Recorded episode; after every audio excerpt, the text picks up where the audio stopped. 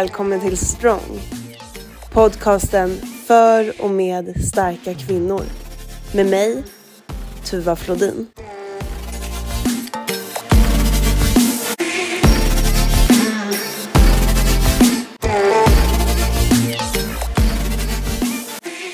Då hälsar jag Isabelle Ebbesen välkommen till podden. Tusen tack! Det är superkul att vara här. Ja, Som jag sa innan, lite nervös och lite spänd. Och Mm. Det ska bli superkul.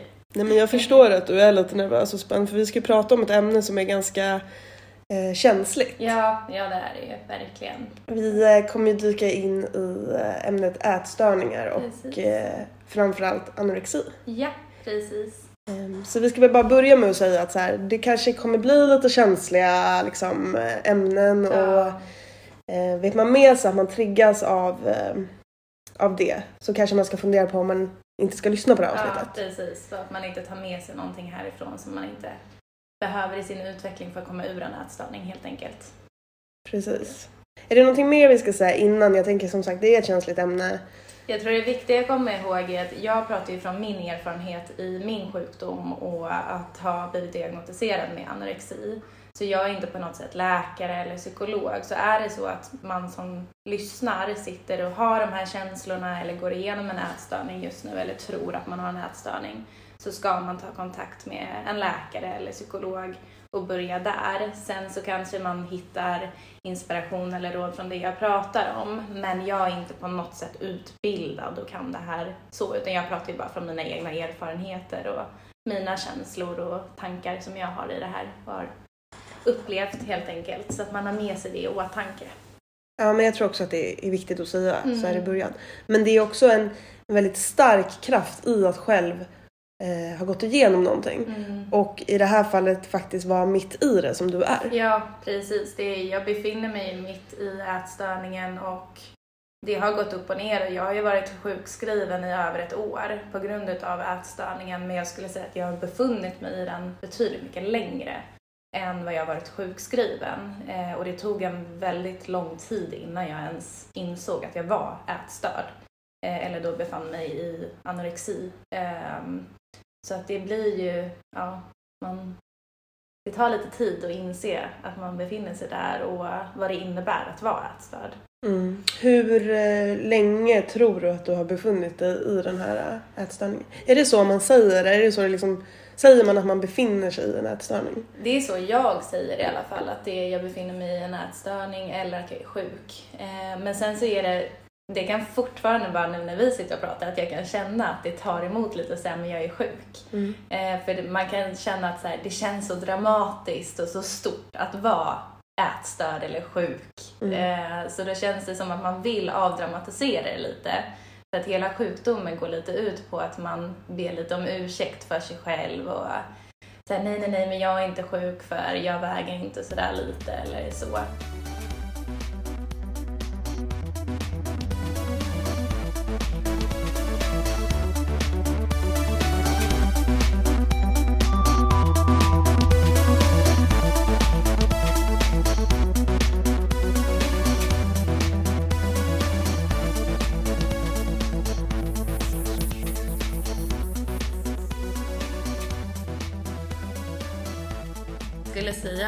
Började när jag var ungefär 12-13 år redan.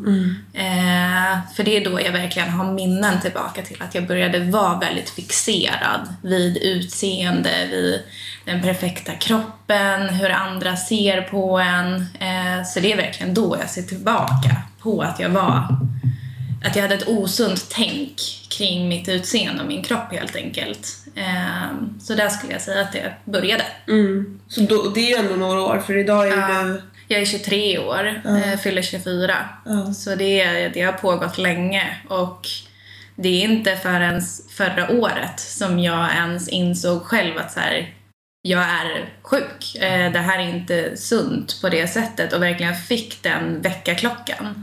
Eh, och det var även, jag var ungefär 9-10 månader in i min sjukskrivning till att jag förstod att jag är verkligen sjuk. För innan har jag bara varit att men folk lurar mig eller de överdramatiserar. De vill att jag ska vara sjuk fast jag inte är det. Eh, men sen var det ju att liksom poletten föll ner och bara shit, jag är ju verkligen sjuk. Eh, och det var ett väldigt men, eh, jag vet inte ens hur man ska beskriva det, men det var verkligen det ögonblicket där jag verkligen förstod att jag var sjuk. Det var väldigt, väldigt, inte stort, men ja, ögonöppnande och bara... Det är svårt att sätta ord på det, för man var helt paff och i chock när man förstod det. Hur, eh, vad var det för ögonblick? Eh, jag hade en frågestund på min Instagram eh, där man frågade kring mina tatueringar för att jag är väldigt täckt utav tatueringar. Och jag har då en fenix på min rygg som jag skulle ta en bild på och visa. Så jag ställde mig framför spegeln och vände ryggen till spegeln. Och så fixade jag med kameran och tog upp och tog en bild i spegeln på ryggen då och så ser jag hur min ryggrad sticker ut när jag tittar på den här bilden. Och jag kan se mina revben och jag ser en, jag ser en sjuk person. Jag ser någon som är väldigt mager. Eh, och jag har inte sett det tidigare för att när jag tittar mig i spegeln ser jag något helt annat. Och det var där det verkligen föll in för mig just hur lurad man blir av den här sjukdomen. För att jag har alltid gått runt och sagt till alla att så här, den dagen jag ser sjuk ut, då kommer jag sluta. Jag har kontroll, jag lovar. Och sen när jag såg den bilden så bara, alltså vad har jag gjort? Och det var verkligen så att jag satt där med bilden i soffan. Och jag minns det så tydligt för att alltså, jag var helt knäckt när jag såg det här. Jag var så förstörd. För att fram till det här ögonblicket har jag verkligen varit så här, men jag har kontroll, jag har koll på det här, jag kan sluta när jag vill. Jag kör bara en hårdare diet. Eh, folk liksom överdramatiserar. Men sen så satte jag mig i soffan, skulle gå igenom de här bilderna för att lägga upp på Instagram och sitter med min sambo och verkligen bara bryter ihop. Och han ser hur jag börjar liksom, men, eh, tårar i ögonen och sådär. Och verkligen uttrycker så här hulkande, bara vad har jag gjort mot mig själv? Och så här, vad, vad, är det här, vad har jag gjort? Och är helt förstörd. Och det är verkligen så här, där, alltså så här, jag såg verkligen anorexian där. Mm. Eh, och det var verkligen, jag kommer aldrig glömma bort det ögonblicket eller den känslan i kroppen. Mm. Det var verkligen, ja. Det var stort. Det var jättestort. Men det här var alltså en bit in på din sjukskrivning? Absolut. Det här var i, eh, vad blir det, oktober. Så det var inte alls länge sedan i och med att det är januari nu. Mm. Eh, och då hade jag ändå varit sjukskriven sen, vad blev det? Ja men det var ungefär tio månader in i min sjukskrivning. Mm. Um, så vad blev du sjukskriven för? Jag blev sjukskriven först bara med allmänt ätstörd. Ah, okay. Eh, och det var för att HR eh, och min mamma och sådär eh, pushade mig till att ta hjälp.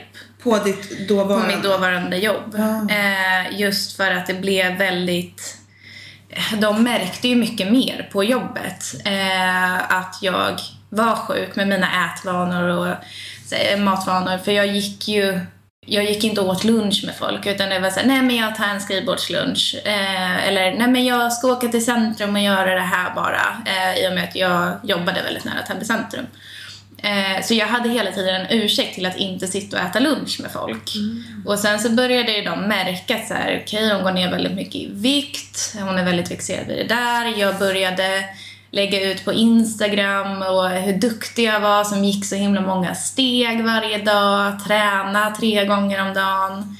Så man såg mina, mina beteendemönster, hur det utvecklades och vad som hände. Mm. Eh, och där blev det ju då väldigt tydligt för dem att jag inte mådde helt bra. Eh, och jag befann mig just då i en separation. Så många kunde ju tänka sig, okej okay, men hon mår lite dåligt just nu för hon, är, hon håller på att separera. Men det här är ju ändå något som jag har hållit på med i många år. Och nu så blev det ju så att jag hade ju bott med någon i sex år tidigare. Och nu helt plötsligt bodde ju jag själv mm. i min egna lägenhet. Ingen som kunde kontrollera mina matvanor, mina rutiner, när jag tränade, hur jag tränade. Så då blev det väldigt enkelt att börja liksom Ja, men jag går upp en timme tidigare och åker och kör mitt konditionspass. Det är ingen som märker om jag struntar i frukost, det är ingen som märker om jag struntar i middagen. Så det blev väldigt enkelt att dölja det. Eh, tills det fysiska helt enkelt visade vad som pågick. Och sen så även att de märker ju skillnad på ens personlighet. Man blir väldigt, väldigt annorlunda personlighetsmässigt när du befinner dig i en ätstörning. Mm. Så där, vad, blir, vad är det som blir annorlunda? Alltså man isolerar sig själv något otroligt mycket mm. när man befinner sig i en ätstörning. Det blir väldigt, i och med att jag slutade ju träffa kompisar för att en, alltså en del av den sociala men, delen med sina vänner, familj, det är att äta. Mm. Alltså, så här, man ses på en fika, man ses på en lunch, man går och kollar på en film, då äter man lite godis kanske eller så. Så mycket involverar mat. Mm. Eh, och där visste jag att hamnar jag i en sån situation, då kommer ju folk se att något är fel. Mm. Och de kommer lägga märke till det här. Mm. Eh, så det bästa var bara att ta mig själv ur de situationerna så att ingen kan lägga märke till något och ingen kan stoppa mig. Eh, så man blir extremt ja, men, isolerad ifrån det för att man inte vill åka fast. Eh, man vill inte att någon ska märka någonting och förstöra för en. Eh, så mycket där och sen så är det ju just inom anorexin när du inte äter så mycket mat. Eh, du har inte samma energi, du orkar inte vara glad. Du, liksom, du blir väldigt monotom rakt igenom. Det finns inte så mycket känslor. Man kan många har sagt det till mig, att man ser nästan liksom, det är bara dimma över ögonen. Det finns liksom inte, the spark is gone, mm. så att säga. Mm. Eh, så det syns på en att det är livsglädjen och gnistan är borta. Mm. Eh, och det är ju det som händer när du inte får i dig den näringen du behöver, helt mm. enkelt. Kroppen stänger ju ner och fungerar bara så som den ska göra helt enkelt för att hålla dig vid liv. Ja, just det. Um, så det... Men hur, okej okay, så då eh, reagerade din mamma och, mm. och HR. Ja. Och vad hände sen då? Eh, då fick jag gå och träffa en läkare genom företaget jag jobbade på. Vi hade så här företagshälsovård. Mm. Eh, och då, alltså första gången jag skulle gå dit så fick min mamma följa med mig för att jag var väldigt såhär, jag är inte ätstörd, sluta liksom överdriva det här enda anledningen egentligen till att jag valde att följa med, det var ju för att säga jag var ändå så pass självmedveten så jag märkte att det påverkar mitt jobb. Eh, för att allt fokus låg på mat, träning, sitta och skriva upp liksom rutiner kring mat och träning och bara fixering vid det. Så här, exakt vilken tid ska jag äta det här, exakt vilken tid ska jag träna så här. Liksom, allt för att planera kring att förbränna och mm. få bort maten jag fått i mig helt enkelt. Mm. Um, så jag följde ju med för att jag ändå kände att så här, jag kan inte prestera så som jag vill på min arbetsplats om någonting orsakar det. Eh, så jag tänkte mig att en korttidssjukskrivning kanske kunde vara något bara för att komma tillbaka på banan lite. Eh, så jag följde med dit, men sen när jag väl kommer till läkaren så jag brister ju bara ihop och är helt, jag sitter och gråter och det var min mamma verkligen som fick sitta och förklara läget då mm. Eh, för min läkare. Och jag var väldigt i början också så skamsen för jag kände att nej men jag är inte så smal så att jag har rätt att söka hjälp för att vara ätstörd. Eh, och det är ju något som många, många delar som är ätstörd. Att de tänker jag måste väga eller ha en fettprocent liksom som är och blir under 15 och måste vara alldeles, alldeles för liten. Och, eh, men det är ju det att ätstörningen sitter ju i huvudet, det sitter ju inte fettprocenten. Och där var det mycket att jag kände ju skam när jag gick dit. Alltså jag har inte rätt att söka hjälp för det här. Eh, vilket är något idag som jag inser att jag önskar att jag hade fått hjälp tidigare. För att jag har ju haft de här tankarna och beteendena så mycket längre än bara för ett år sedan. Men så jag följde med dit och läkaren konstaterade ju väldigt, väldigt snabbt att det inte står helt rätt till och att jag behöver få hjälp här. Eh, så då blev det att jag fick komma i kontakt med psykiatrin och även att eh, inleda besök på en ätstörningsklinik där man går på dagarna för att få hjälp med att äta och ja, lära sig de beteendena helt enkelt. Okej, okay. det är ju lite intressant. Men alltså, mm. då åker man som en Alltså det är som en daglig verksamhet? Ja, det är som en daglig verksamhet. Så man åker dit, man är där eh, vad blir det, 9 till 3. Mm. Man får prata med psykologer och ja, men man sitter ner och man får lära sig tallriksmodellen. Problemet här är att de har så pass långa väntetider så jag fick bara vara där två gånger och kunde inte ens börja på heltid. Eh, just på grund av att väntetiderna är så pass långa. Så att jag var mer där bara för att de skulle ha lite koll på mig. Eh, sen så var det vid det läget att de många gånger ville lägga in mig på eh, sluten verksamhet. Ehm, vilket jag vägrade. Utan jag var så här, den dagen jag svimmar, den dagen blir jag inlagd. Eh, jag vägrade, vägrade bli inlagd. Varför då? Nej, för det var bara så här, de kommer tvinga mig att äta så mycket mat. De kommer tvinga mig till att gå upp i vikt. De kommer göra mig tjock. Mm. Alltså det var aldrig i livet kände jag bara. Ja. Aldrig i livet. Ehm, och där är det ju just, det är ju sjukdomen som pratar. Jag var ju verkligen så här, de, de är onda, de vill mig ont, de vill göra mig tjock. Det är, så här, jag tänker inte låta dem göra det. Eh, så att jag vägrade absolut. Och i och med att man är myndig vuxen så det är ju ingen som kan tvinga mig tills jag är i det läget att de kan göra det beslutet åt mig. Mm. Ehm, så det, ja. Så vad hände sen då? Du fick komma dit eh, två gånger. Mm. Och släpps man fri? Eller fri, men förstår du vad jag menar? Ja, ja, ja men det, jag har ju bara varit hemma liksom om dagarna. Eh, och sen har jag träffat psykolog då. då eh, där man, ja, men, hos min psykolog där vi pratar lite om man har några trauman eller eh, varför man kan ha blivit sjuk och jobba med de problemen och eh, så. Men jag tror att det är ett stort problem just hur belastad alltså sjukvården är. Ja. För jag hade verkligen behövt komma till den här eh, kliniken. Men det är verkligen, det är en till två års väntetid på Ja, att få komma dit. Sen är det ju betydligt, jag hade ju kunnat bli inlagd och det var ju det min läkare och min psykolog tyckte att jag skulle. Och även de på dagskliniken tyckte att det var ett betydligt mycket bättre alternativ. Mm. Men jag tror att om man inte är mottaglig till att bli inlagd så behöver man ha det här andra alternativet. Mm. Och nu fanns ju inte det för mig. Ja, just det. Och då blev det väldigt enkelt för mig att istället bara vara hemma och fortsätta med mina beteenden. Ja, jag För ingen har ju kontrollen där. exakt. Ja. Mm. Precis det jag tänkte. Att så här, då har du ännu mer tid till Ja. dina rutiner, Precis. din eh, kompensationsträning. Ja. Hur gör man då? då? Liksom, vad, är, är det där man är just nu? Är det där du är? Liksom? Eh, nu pluggar jag ju, Ja. men när jag var, alltså jag var ju sjukskriven i ett år och två månader. Ja.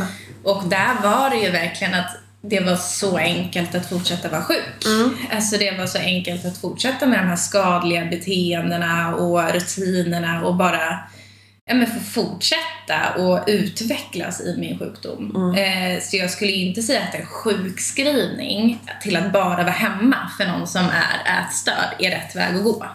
Ehm, i, I alla fall inte i min åsikt, just med hur jag var. För jag valde ju istället att så här, men jag gick upp tidigt, jag körde cardio, sen gick jag ut på en promenad till, jag åkte och gymmade. Alltså det var så enkelt. Och jag var hemma själv, det var ingen som kunde se om jag åt eller inte. Och dessutom så blev det ju även ett mönster och något som är väldigt, väldigt vanligt att ljuga. Mm. Så jag lovade ju min sambo, jag lovade mina föräldrar att ja, men jag äter frukost, jag lovar och liksom la upp min mat på en tallrik och tog en bild på det. Och sen så, det de inte såg var hur jag gick och slängde det i soptunnorna. Eh, dirigerade om lite för att liksom se till att det såg ut som att jag hade ätit och sen skickade efter bilden. Så det blir ju väldigt, väldigt enkelt att ljuga och att inte visa verkligheten och befinna sig i sjukdomen. Mm. Eh, så det är just det som, ja, det, det blir mycket, mycket enklare. Så jag tror det är inte rätt sätt och inte rätt väg att gå för någon som är ätstörd, att vara hemma själv. Man behöver nästan ha lite som, men man behöver ha någon som har koll på en. För just nu så kan du inte lita på dig själv. Eh, och det är tyvärr så det verkligheten ser ut när du är ätstörd. Ja. Så hur ser det ut nu då? För att du säger att du har börjat plugga nu. Mm. Vad, alltså, nu, då befinner ju inte du dig längre i den här sjukskrivningen. Nej. Har det, här, har det förändrats någonting? Jag skulle ändå säga att det har förändrats. Sen är det ju så att jag är fortfarande sjuk. Och det, det är så det tyvärr är. Eh, men sen så är det så att jag märker, jag behöver ju mer energi. Jag behöver Alltså, jag behöver få i mig mat för att orka mina lektioner. Jag behöver få i mig mat för att orka vara social med mina klasskompisar. Så det har ändå blivit att jag känner behovet av mat. Mm. Eh, och jag får även energin från annat. Jag är inte hemma och är isolerad i mina tankar och känslor längre. Utan jag får ju glädjen från att göra något jag tycker är kul. Jag får glädjen från med sociala interaktioner och jag tror att jag känner ändå att det har påverkat mig positivt Mm. och att det har hjälpt.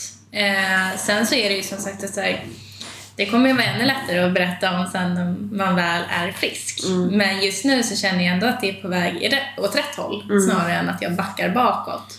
Eh, och jag och min sambo pratade om det ändå här om kvällen att just vilket misstag för mig det var att vara sjukskriven. Eh, och att jag näst, ja, men, jag ångrar att jag blev sjukskriven. För att det blev så mycket enklare att bli ännu sjukare. Mm. Ehm, för just nu känns det lättare när jag pluggar och träffar människor och ja, det blir inte så, jag tror det är den bästa förklaringen. Jag är inte isolerad i tankarna längre. Att det enda som försiggår under hela dagarna i mitt huvud är hur mycket jag ska äta eller hur lite jag ska äta, hur mycket jag ska träna. Jag kan inte plåga mig själv, för jag har annat att göra nu. Just det. Men hur funkar det då, då? Jag tänker, du säger att du kan inte plåga dig själv. Mm. Är det liksom, är det så man tänker? Ja, ja gud ja. Alltså det är verkligen självplågeri. Varför? Alltså, det är- Varför är det så?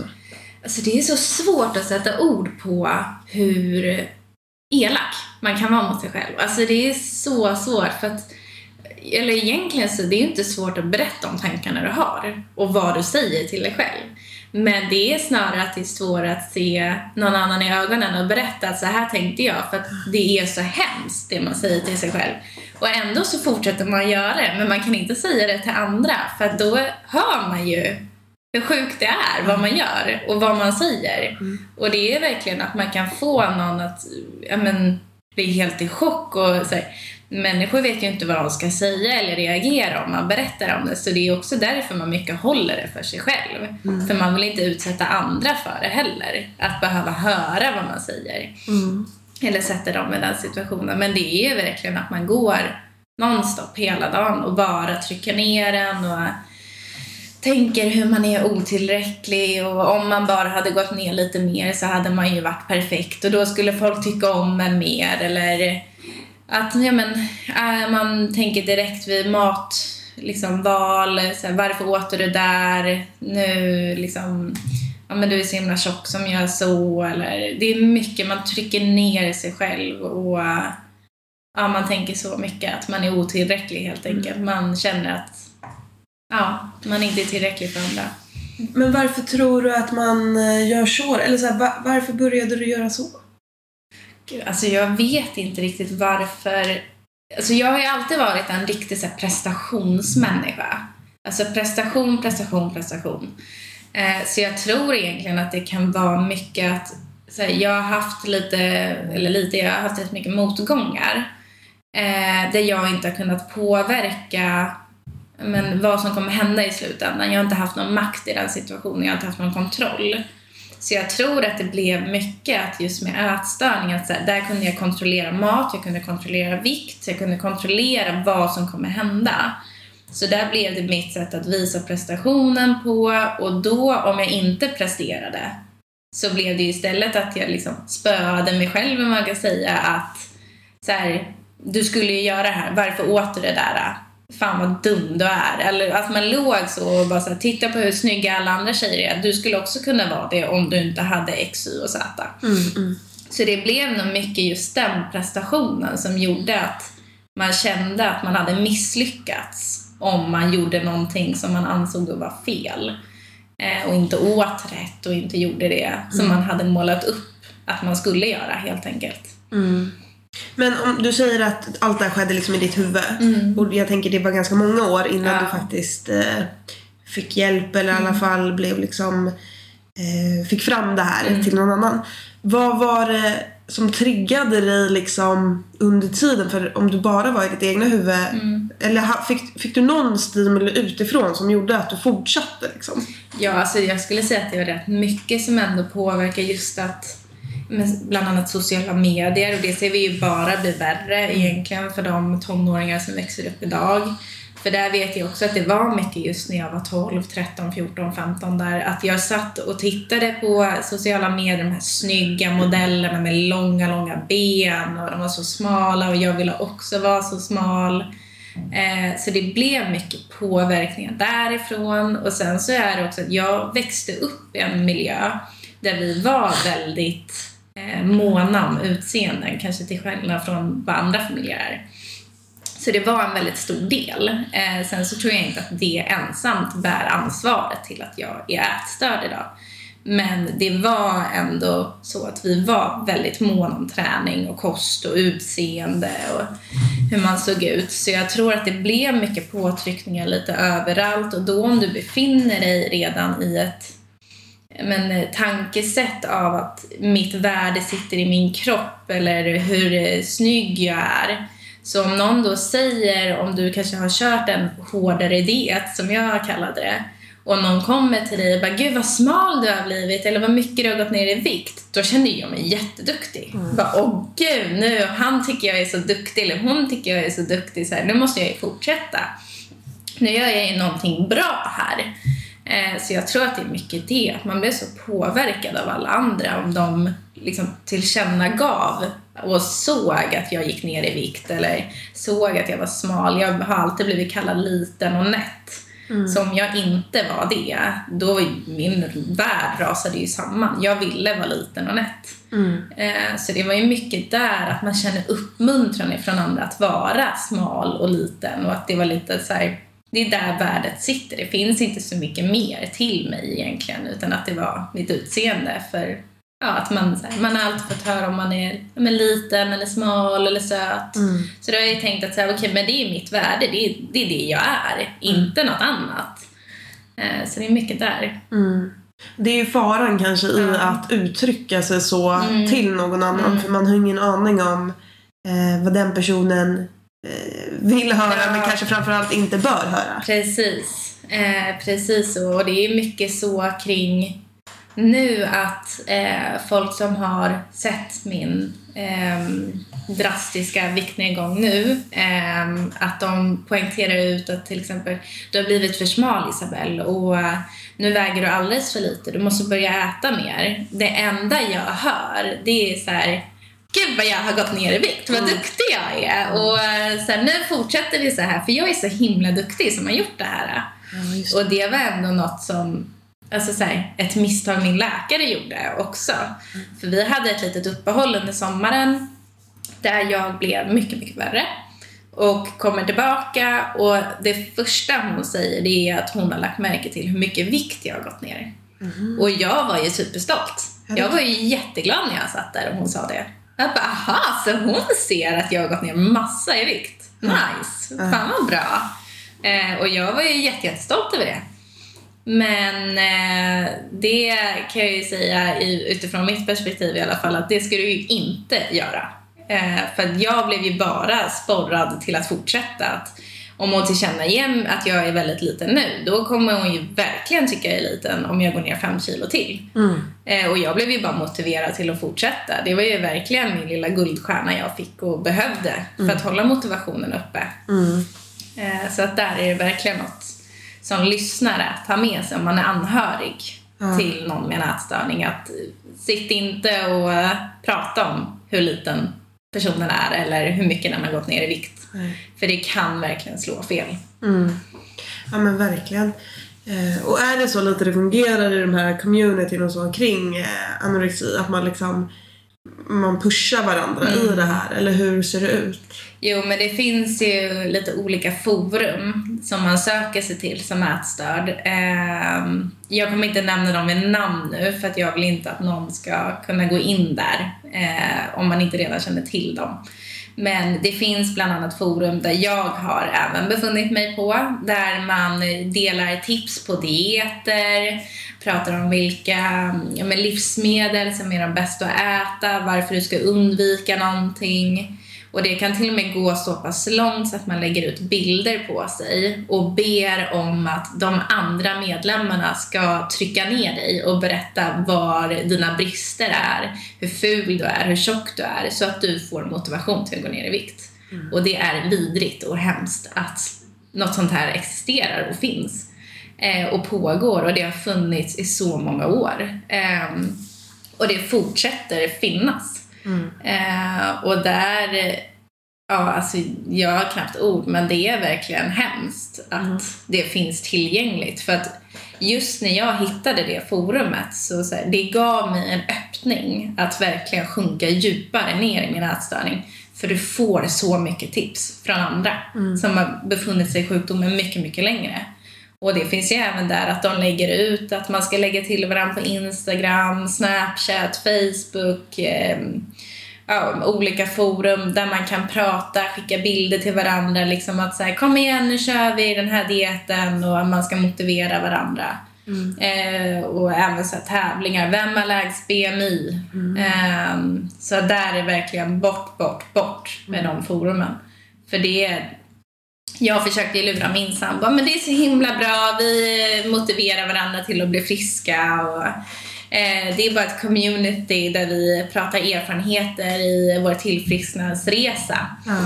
Eh, men det är ju inte det det handlar om mm. och det förstod jag han till slut. Eh, och det är även tack vare Alex, min sambo, som jag inte befinner mig på de här forumen längre. Mm. Eh, och det har gjort en väldigt stor skillnad för mig. Just ja. i hur, hur pass långt ner jag var i somras till vart jag är nu. Så det, om man som sagt lyssnar på det här och är anhörig, eh, var uppmärksam om personen är på sådana här forum och hjälp dem att komma därifrån. Hur tror du han reagerade? För du säger ju att du faktiskt ljög för honom. Ja. Att så här, och jag antar att det, jag kopplar tillbaka till det du mm. sa med maten, att du la upp den och sådär. Ja. Att du då faktiskt ljög för honom. Hur har han liksom gett dig respons på det efteråt? Hur hanterar alltså det, han det? Det är ju en sån svår, alltså extremt svår situation mm. att vara anhörig till någon som är ätstörd. Mm. För du har så mycket du måste ta hänsyn till, som du måste tänka på. Och det är... Alltså han har ju verkligen fått testa sig fram och jag är så tacksam över att han ens är kvar. För det är ju, alltså han har verkligen fått gå igenom så mycket kring det här han själv. Mm. Eh, och han har kämpat och han är ju verkligen den jag tackar för det här. Men just när det kommer till med lögner och så, så, så här, han har ju aldrig reagerat starkt eller blivit arg på mig och men det han gör det är väl att visa hur mina val påverkar honom. Och att påminna mig om att jag faktiskt har ett ansvar i ätstörningen. Um, och att det är när jag väljer att inte äta så påverkar det ändå min omgivning och att han blir, men han blir ledsen av att se någon han älskar plågas helt enkelt och att plåga sig själv. Mm. Um, så det är mycket det att han har visat så här, om han kommer hem och inser att jag inte har ätit så kan jag se på honom hur det påverkar honom och gör honom ja, ledsen eller... Hur reagerar du då? då? Jag känner ju, alltså jag, jag vet inte ens, alltså, inte skam men elak. Jag känner mig elak mot honom. Mm. Att det är, jag har sårat personen jag älskar. Jag har gjort det här mot honom. Och det är även någonting, jag vet att så här, som sagt, jag är ingen läkare. Men jag vet ändå att många tänker istället att man inte får lägga något ansvar på personen som har en ätstörning. Mm. Men för min del är det tvärtom. För att just den biten i att förstå hur jag sårar honom genom att inte äta, oron jag ger honom, eller rädslan för den delen också, gör ändå så att jag på något sätt har fått motivation till att äta. Mm. Jag känner att men jag vill äta för hans skull. Sen i slutändan ska jag äta för min egen skull. Men att kanske till en början lära mig att äta i alla fall för hans skull. Mm. Och sen kan det utvecklas till att rutinen kommer in och successivt så blir inte mat en fiende längre eller en rädsla. Men det är verkligen något som jag tycker också man ska ta med sig och åtminstone testa. Att lägga lite ansvar för att de känslorna har ändå hjälpt mig till att vilja äta. Just för att jag vill inte såra honom. Nej, för där kan man ju ändå tro så här, för mig som utan, utomstående Mm. så kan ju jag tänka så här att när han kommer hem Ja. och, och du inte ätit, Mm. att du skulle tycka att så här, men få lite uppmärksamhet av det. Mm. Hur liksom ställer du dig till det? Det är ju så som jag ser det. Men uppenbarligen så är det ju inte så utan du blir ju snarare eh, liksom ledsen över Ja. att har gjort han Ja. illa. Det är, alltså, det är som sagt det är en så svår situation men alltså, jag har ju aldrig känt att jag vill skylta med min ätstörning eller att jag vill skylta med hur lite jag har ätit och att det skulle ha varit något jag har gjort bra. För jag vet att en frisk person ser ju inte det som att jag är duktig att jag inte åt frukost eller lunch. Ehm, så att det är ju verkligen, ja, det är en sån svår situation men det är jag känner inte att jag får någon liksom, bekräftelse av att berätta att jag inte har ätit. Utan jag känner ju bara skam eller ja, men att jag har gjort honom sviken helt enkelt. Eh, Så att det jag har aldrig känt mig bekräftad i att jag visar hur lite jag har ätit. Utan det är snarare att jag skäms faktiskt. Ja, för du sa ju också att du eh, alltså kanske ångrar det här med sjukskrivningen. Mm. Men jag tänker att du sa också att du känner att du har kommit vidare och fått ett socialt sammanhang och gör någonting du tycker är kul nu när du pluggar till eh, frisör. Mm. Ja. Och hade du kommit dit om du inte hade varit sjukskriven? Alltså hade du gått Det tror jag inte. Så Nej. där är ju faktiskt något positivt ifrån sjukskrivningen i sig. Att det kan ju även vara så just med så här, att jag hade fortsatt bli sjuk och sjukare och sjukare om jag stannade på min gamla arbetsplats. Eh, där jag inte gjorde något jag helt trivdes i. Eh, så på det sättet absolut är sjukskriven, alltså sjukskriven något positivt som hände. Mm. Ehm, och jag är jätteglad för den delen att jag kunde få en möjlighet till att hitta vad jag ville göra, vad som gör mig glad och något som jag känner mig driven utav helt enkelt. För att hår är ju något jag alltid varit jätteintresserad av. Mm. Började ju redan som liten att sitta och verkligen plöja genom Youtube för att titta på videos och allt vad det var. Ja. Ehm, så där är det ju jätteroligt att jag ändå kunde hitta någonting som jag verkligen har ett genuint intresse utav och vill jobba med. Mm. Eh, så det är absolut något som har varit positivt ur det här eh, och som jag är tacksam över. Verkligen. Men finns det andra verktyg som du liksom använder nu då i din eh, resa till att bli frisk? Eh, alltså, när det kommer till verktyg, jag tror det viktigaste där, det är bland annat att sök vård. Eh, jag, eh, har, jag går ju på antidepressiva helt enkelt och det känner jag har gjort en stor skillnad för mig. Eh, och jag var extremt, extremt, extremt emot att ta antidepressiva i början. Jag ville absolut inte ha några tabletter. Ehm, men jag är väldigt glad idag att jag går på det. Eh, och sen så finns det även om, ja, men ångestdämpande och sånt där. Sen är inte det för alla och det kanske inte behövs för alla. Eh, men det, den möjligheten hade inte jag haft om jag inte hade gått till min läkare. Eh, så läkare och psykolog är något jag ändå känner har varit nödvändigt för min del och jag träffar fortfarande min psykolog varje månad. Eh, och det hjälper ju mig för att just kunna prata om bland annat det här med lögnerna som jag hade för mina anhöriga. Eh, och kunna bolla det med henne och förstå att jag inte vill ljuga och hur jag skulle sluta med det. Och det kan låta jättekonstigt bara, sluta ljuga, så det är klart att du inte ska ljuga. Men i det så är det ju, du vill inte att någon ska förstöra. Du vill inte att någon ska få makten att få dig att äta. Och då blir det enklare att ljuga, helt enkelt. Eh, och där var det ju mycket att komma till insikt om det, till exempel, hos en psykolog. Eh, och framförallt den läskigaste delen, att vara ärlig. Var ärlig med din omgivning, var ärlig med din partner, dina föräldrar, dina vänner. Att vad du behöver ifrån dem för att kunna jobba på det här och bli frisk. Eh, för till en start där det är väldigt svårt och jag vet inte ens Alltså, det är extremt svårt att hjälpa någon som inte vill bli hjälpt. Eh, för då fortsätter man ju ljuga och man fortsätter med de beteendena. Men finns det någon liten, liten del i en som verkligen vill bli frisk, som inser att man är sjuk, visa den delen och prata med dina anhöriga och berätta verkligen att idag har jag haft mycket ångest på grund av det här eller jag, mina tankar har hamnat i det här idag. Eh, så att man ändå upplyser dem om det och man kan vara ärlig också kring vad de gör som du inte uppskattar. För det känner jag, jag tog extremt mycket i början som jag förstod från dem var menat med välmening. Men det gjorde mycket skada. Så jag sa inte ifrån i början, men sen började jag ändå säga att liksom, ja men eh, när du tar tag i min höft sådär och säger att jag har blivit så himla smal, då blir jag bara uppmuntrad till att fortsätta och det gör mer skada än att jag förstår dig som anhör i att du tycker att jag är alldeles för smal och jag måste verkligen sluta nu. Mm.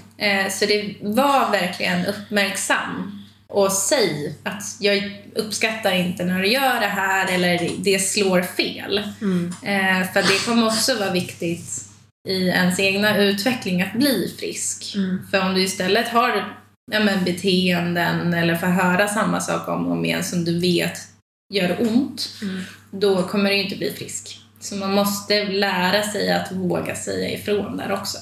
Mm. Ja men verkligen. Men du säger så här, om att det ska finnas en liten, liten tillstymmelse till att man vill bli mm. frisk. Mm. Var tror du att du har hittat den i dig? Eh, jag vill bli mamma. Mm. Jag vill få barn. Eh, och jag förlorade min mens. Vilket gör det svårt mm. att få barn. Mm. Eh, och det var något som gjorde mig otroligt ledsen. Mm. Eh, och hjärtskärande.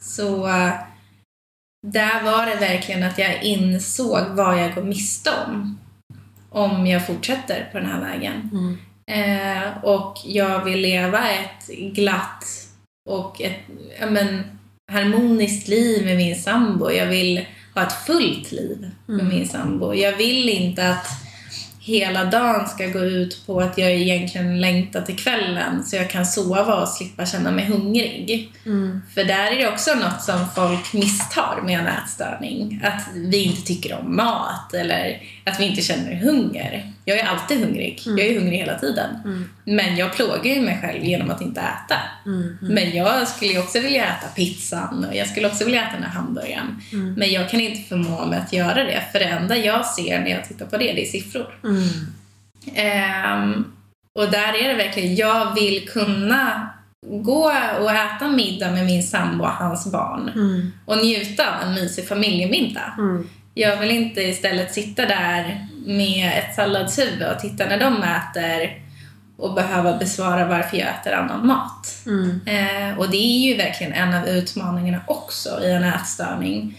Att man blir väldigt, väldigt observerad mm. av sin omgivning. Mm. Det, du får förklara mycket varför du äter en viss mat eller och även i de stunder när du kanske känner dig lite bättre så måste du ändå förklara dig för alla är väldigt uppmärksamma, uppmärksammade över din mat och vad du äter och dina beteenden. Mm. Så då kan det ju bli att man får känna att man måste förklara sig mer. Mm. Mm. Hur funkar det idag då? Äter du eh, liksom, med de andra? Har du kommit så pass långt i ditt tillfrisknande? Eh, jag äter inte samma mat Nej. som de andra. Mm. Eh, så det är jag försöker eh, så gott jag kan, men eh, långt ifrån att mm. vara där. Så att det är mycket att jag ser till att försöka sitta med dem när det är dags för mat. Eh, men jag tror att det är där det blir, det är ju middagen där jag befinner mig med dem mm. vid matbordet. Mm. Um, men jag måste ju också, i och med att han har små barn, måste jag förklara varför Isabelle inte äter samma mat. Mm. Isabelle tycker inte om pizza eller tycker inte om hamburgare. Och uh, det blir ändå frågor. Och mm. där är också en, en anledning till varför jag vill bli frisk också. Mm. För att jag vill inte behöva sitta där och Ja, nej, men jag tycker torsk är så himla mycket godare än mm. fredagkväll, för det gör jag ju inte. Mm. Men eh, det är också en motivation, bli frisk för dem. Verkligen. Och eh, det kommer ju ge mig en helt annan glädje också. Absolut. Vad fint. Jag tycker ändå att det är en fin eh, ingång och jag hoppas verkligen mm. att du eh, kommer få tillbaka din mens. Ja. Hur länge har du varit borta? Eh, några månader. Mm. Så det, den har gått lite fram och tillbaka. Mm. Eh, så det, Den är, den är oregelbunden och det är Mm. tyvärr det som sker. Mm. Eh, Så det var ju en period där jag var bättre, där den kom tillbaka. Mm. Och sen försvann den igen. Eh, Så att det... Ja, man blir väldigt ledsen över det. det är Man blir klart. väldigt påverkad och eh, man får verkligen inse verkligheten kring vad som sker när Mm. den försvinner. Mm. Och just eh, möjligheterna till att kunna bli mamma, vilket är det enda jag någonsin har velat bli. Mm. Och eh, verkligen den anledningen till att jag vill bli frisk, för jag vill ha barn. Ja. Så det... Det känns som en väldigt stark eh, motivation. Jag Mm. hoppas verkligen att, eh, att du kan ta med dig den och Ja. eh, jobba vidare på det du Ja. har börjat med. För det låter ju som att du har kommit en bit på vägen. Ja, absolut. Så att det, det känns skönt att höra. Mm. Men det är verkligen, jag tror den största, det största steget, det är när du inser att du är sjuk. Mm. Och sen när du hittar den lilla, lilla glimten, eller lilla men, motivationen till att ta dig ur det. Mm. När du väl har kommit dit, då känns inte vägen lika jobbig. Sen kommer det fortfarande vara dagar där man mår jätte, jättedåligt och man vill inget annat än att fortsätta vara i sjukdomen. Mm. Men när du väl har nått där, då börjar du åtminstone se skillnad på vad som är fel och vad som är rätt Mm. i sjukdomen. Vad som är den sjuka delen av dig och vad som är den friska delen. Eh, och det gör det lättare att försöka ta sig därifrån. Så hur gör du för att bli, alltså jobba mot att bli frisk? Alltså det är... Man gör ju mycket små saker. Mm. Men det är för det mesta verkligen att utmana sig själv. Att jag försöker åtminstone att äta eh, ja, men som andra. Och bland annat nu så, jag ju sett till, jag räknar inga kalorier längre. Absolut inte räkna några kalorier. Mm. Eh, sen så är man ju lite skadad i och med att man har memorerat kalorier. Mm. Men jag försöker verkligen att tänka på mat som näring. Mm. Det ger mig så att jag har energi och orkar leka med barnen. Det gör så att jag är en glad och livfull sambo. Det gör så att jag orkar vara på skolan och lära mig det jag älskar. Mm. Eh, så jag försöker verkligen se varför jag behöver mat. Varför mat är en vän och Mm. inte en fiende. Eh, och att vara ärlig med mina känslor, med mina tankar, vart jag är. Eh, och att verkligen, ja men det är verkligen de två viktigaste punkterna just nu för mig. Mm. Och sen att inte heller att man isolerar sig själv helt från träning eller Ja, men, för det är ett intresse för mig. Och jag tror istället hade det blivit så att jag hade fått att nej men du får inte träna och du får inte äta det här eller du måste äta så här många kalorier och eh, att det hade blivit regler och jag hade känt mig kontrollerad så tror jag istället att det hade blivit motsatt effekt och att Mm. jag då hade blivit ännu mer obstinat Mm. över det och eh, inte alls hade varit mottaglig till förändring. Mm. Men nu känner jag ju ändå att jag har kunnat trappa ner i träning Mm. men jag har även kunnat trappa upp med maten för att jag känner en balans. Och det är ju det viktiga att komma till, att hitta balansen. Det behöver ju inte vara 100% det ena eller det andra. Mm. Utan att kunna hitta att ha glädje i träning och inte ett krav eller ett måste för kompensation. Mm. Och ha glädje i mat. Och det innebär också att man behöver inte äta pizza varje dag utan jag kan äta sallad och nästa dag kanske en hamburgare. Mm. Att man hittar balansen i de båda. Verkligen. Mm. Ja, men jag tänker också där, du sa ju i början att det är mycket socialt kring mat. Ja. Du har ju ändå lyckats, eller lyckats är fel ord, men du har ändå eh, träffat din sambo Ja. och börjat dejta honom Ja. mitt i din sjukdom. ja. Hur gick det till? Eh, alltså det var ju... ah, Det, var, det här är väldigt blottande, men det var ju så att man, man åkte dit och antingen fick jag hitta på, men jag har precis ätit, jag är inte hungrig. Eh, eller att jag kompenserade när jag kom hem Mm. eh, och gjorde mig av med maten, helt enkelt.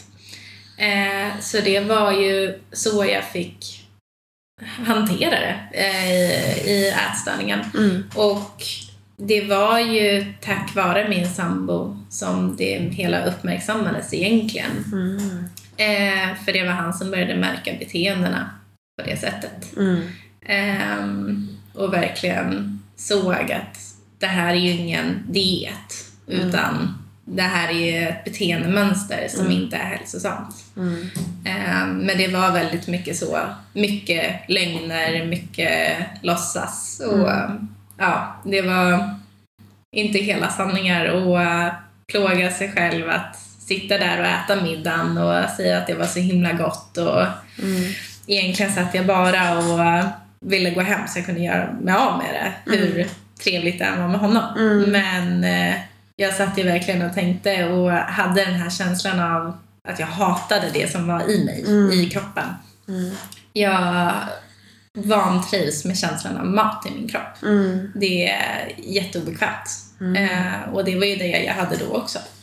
Så då var det att jag väldigt gärna ville åka hem så jag kunde göra mig av med det. Mm. Helt enkelt.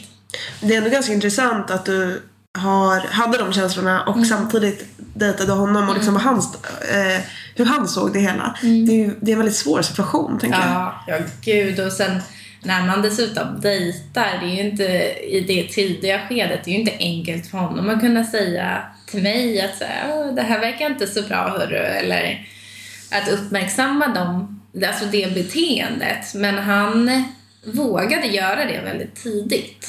Ehm, och vågade prata med mig, men var också väldigt, och det är något jag uppskattar jätte- jättemycket, men han var väldigt mottaglig till att höra mig och inte döma mig. Mm. Utan det var, jag vågade ju till och med berätta för honom att jag gjorde mig av med mat och kompenserade. Och han satt och lyssnade Mm. och försökte förstå varför snarare än usch, hur kan du göra det? Mm. Eller du förstår ju att det är dumt, du kommer slita på dina tänder. Mm. Eller.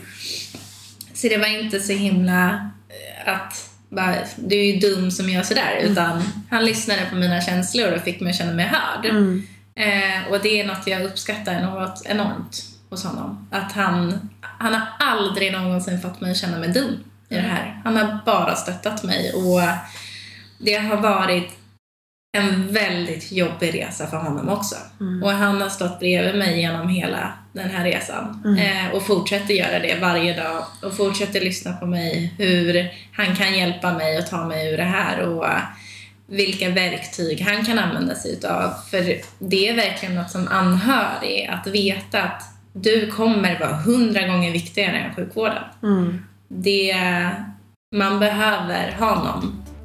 Och det är bara så det är. Mm. Ehm, och det, jag är extremt tacksam för honom. Att han har varit där. Ja, fint. Ja.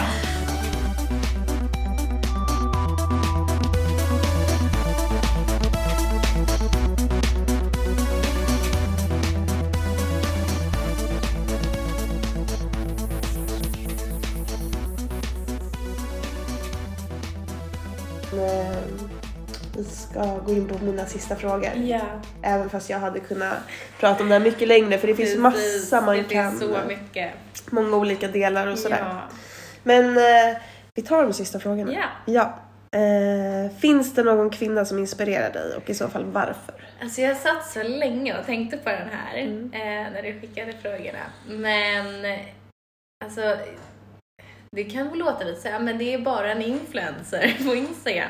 Men det, är, det finns ett konto som heter eh, Kiki Fit. Mhm. Och det är en tjej från Irland som hade en ätstörning och eh, har dokumenterat det på Youtube och Instagram. Hur det var för henne under sin ätstörning och hur hon nu har hittat balans helt enkelt och eh, har liksom gjort ett namn för sig själv och den här receptboken hon har kommit ut med och men hur hon njuter av träning och njuter av livet, njuter av mat och eh, bara ser allmänt lycklig ut. Och när jag ser på hennes konto så är det verkligen så här, där vill jag också hamna. Jag vill nå den punkten som hon har nått. För att hon njuter fortfarande av träningen och hon kan njuta av mat och hon har liksom inte hamnat i obalans istället åt andra hållet, att man slutar med allt. Ehm, så hon motiverar mig väldigt mycket till att bli frisk. Just att hon har gått igenom något väldigt liknande också. Mm. Fint. Mm. Det är jättebra att hitta sina liksom, Ja. eh, personer som motiverar ja, en. precis. Det är superviktigt. Och som du säger, det handlar ju majoritet om stöd. Ja, Och då funkar ju det som ett stöd och Precis. ett verktyg för dig. Precis. Väldigt eh, bra. Ja. Mm. Om eh, du eh, visste att du skulle lyckas med någonting, Mm. vad hade du gjort då? Alltså det här blir lite en kombination för eh, jag skulle öppna en frisörsalong Mm. och eh, det är ju planen att göra också Mm. när jag är färdig. Såklart. Eh, så eh, det, det ska ske helt Bra. enkelt. Och eh, jag är beslutsam här. Så att det, jag jobbar mot det målet varje dag. Och eh, jag tänker se till att det ska hända och att jag ska lyckas med det. Så eh, ha en frisörsalong där jag får göra det jag älskar och förhoppningsvis har folk där också med mig som gör det de älskar också. Ja, Så det, är- det är verkligen det jag vill göra. bra. Ja. Det tycker jag låter så, så bra. Det kommer, det kommer gå så bra. Ja. Ehm, och de, eh, om du kunde gå tillbaks några år och ge dig själv några goda ord och ett litet råd på vägen, vad hade du sagt? Ditt värde sitter inte i utseendet. Du är mycket, mycket mer än hur du ser ut eller hur andra ser på dig. Det låter så kliché, men det är verkligen så här. Det är det inre som faktiskt räknas och um, det är verkligen inte så här. Ditt liv kommer inte vara lyckligare eh, av att du gick ner de där extra kilorna genom att plåga dig själv. Utan det, det skulle jag verkligen säga och i närtid att börja jobba emot din ätstörning så fort du inser att du har ett problem eller att eh, det är osunt. För det kommer inte vara lättare desto mer tiden går. Mm. Det kommer bara, bara bli svårare. Mm. Eh, och jag är levande bevis på det. För att jag tänkte ju så här, äh, vad gör det att jag bara äter lite för lite kalorier än vad som rekommenderas. Mm. Eh, jag gör det bara i tre månader till. Mm. Och sen så blev det månad fyra och fem och sex. Och det blev svårare och svårare och svårare. Så Mm. att när du märker att det händer, sluta. Mm. Bra, bra eh, avrundning på podden. Ja. Tack snälla för att du delade med dig så öppenhjärtigt av ett Tusen så, tack eh, själv. ett sånt eh, ärligt ämne. Tusen tack.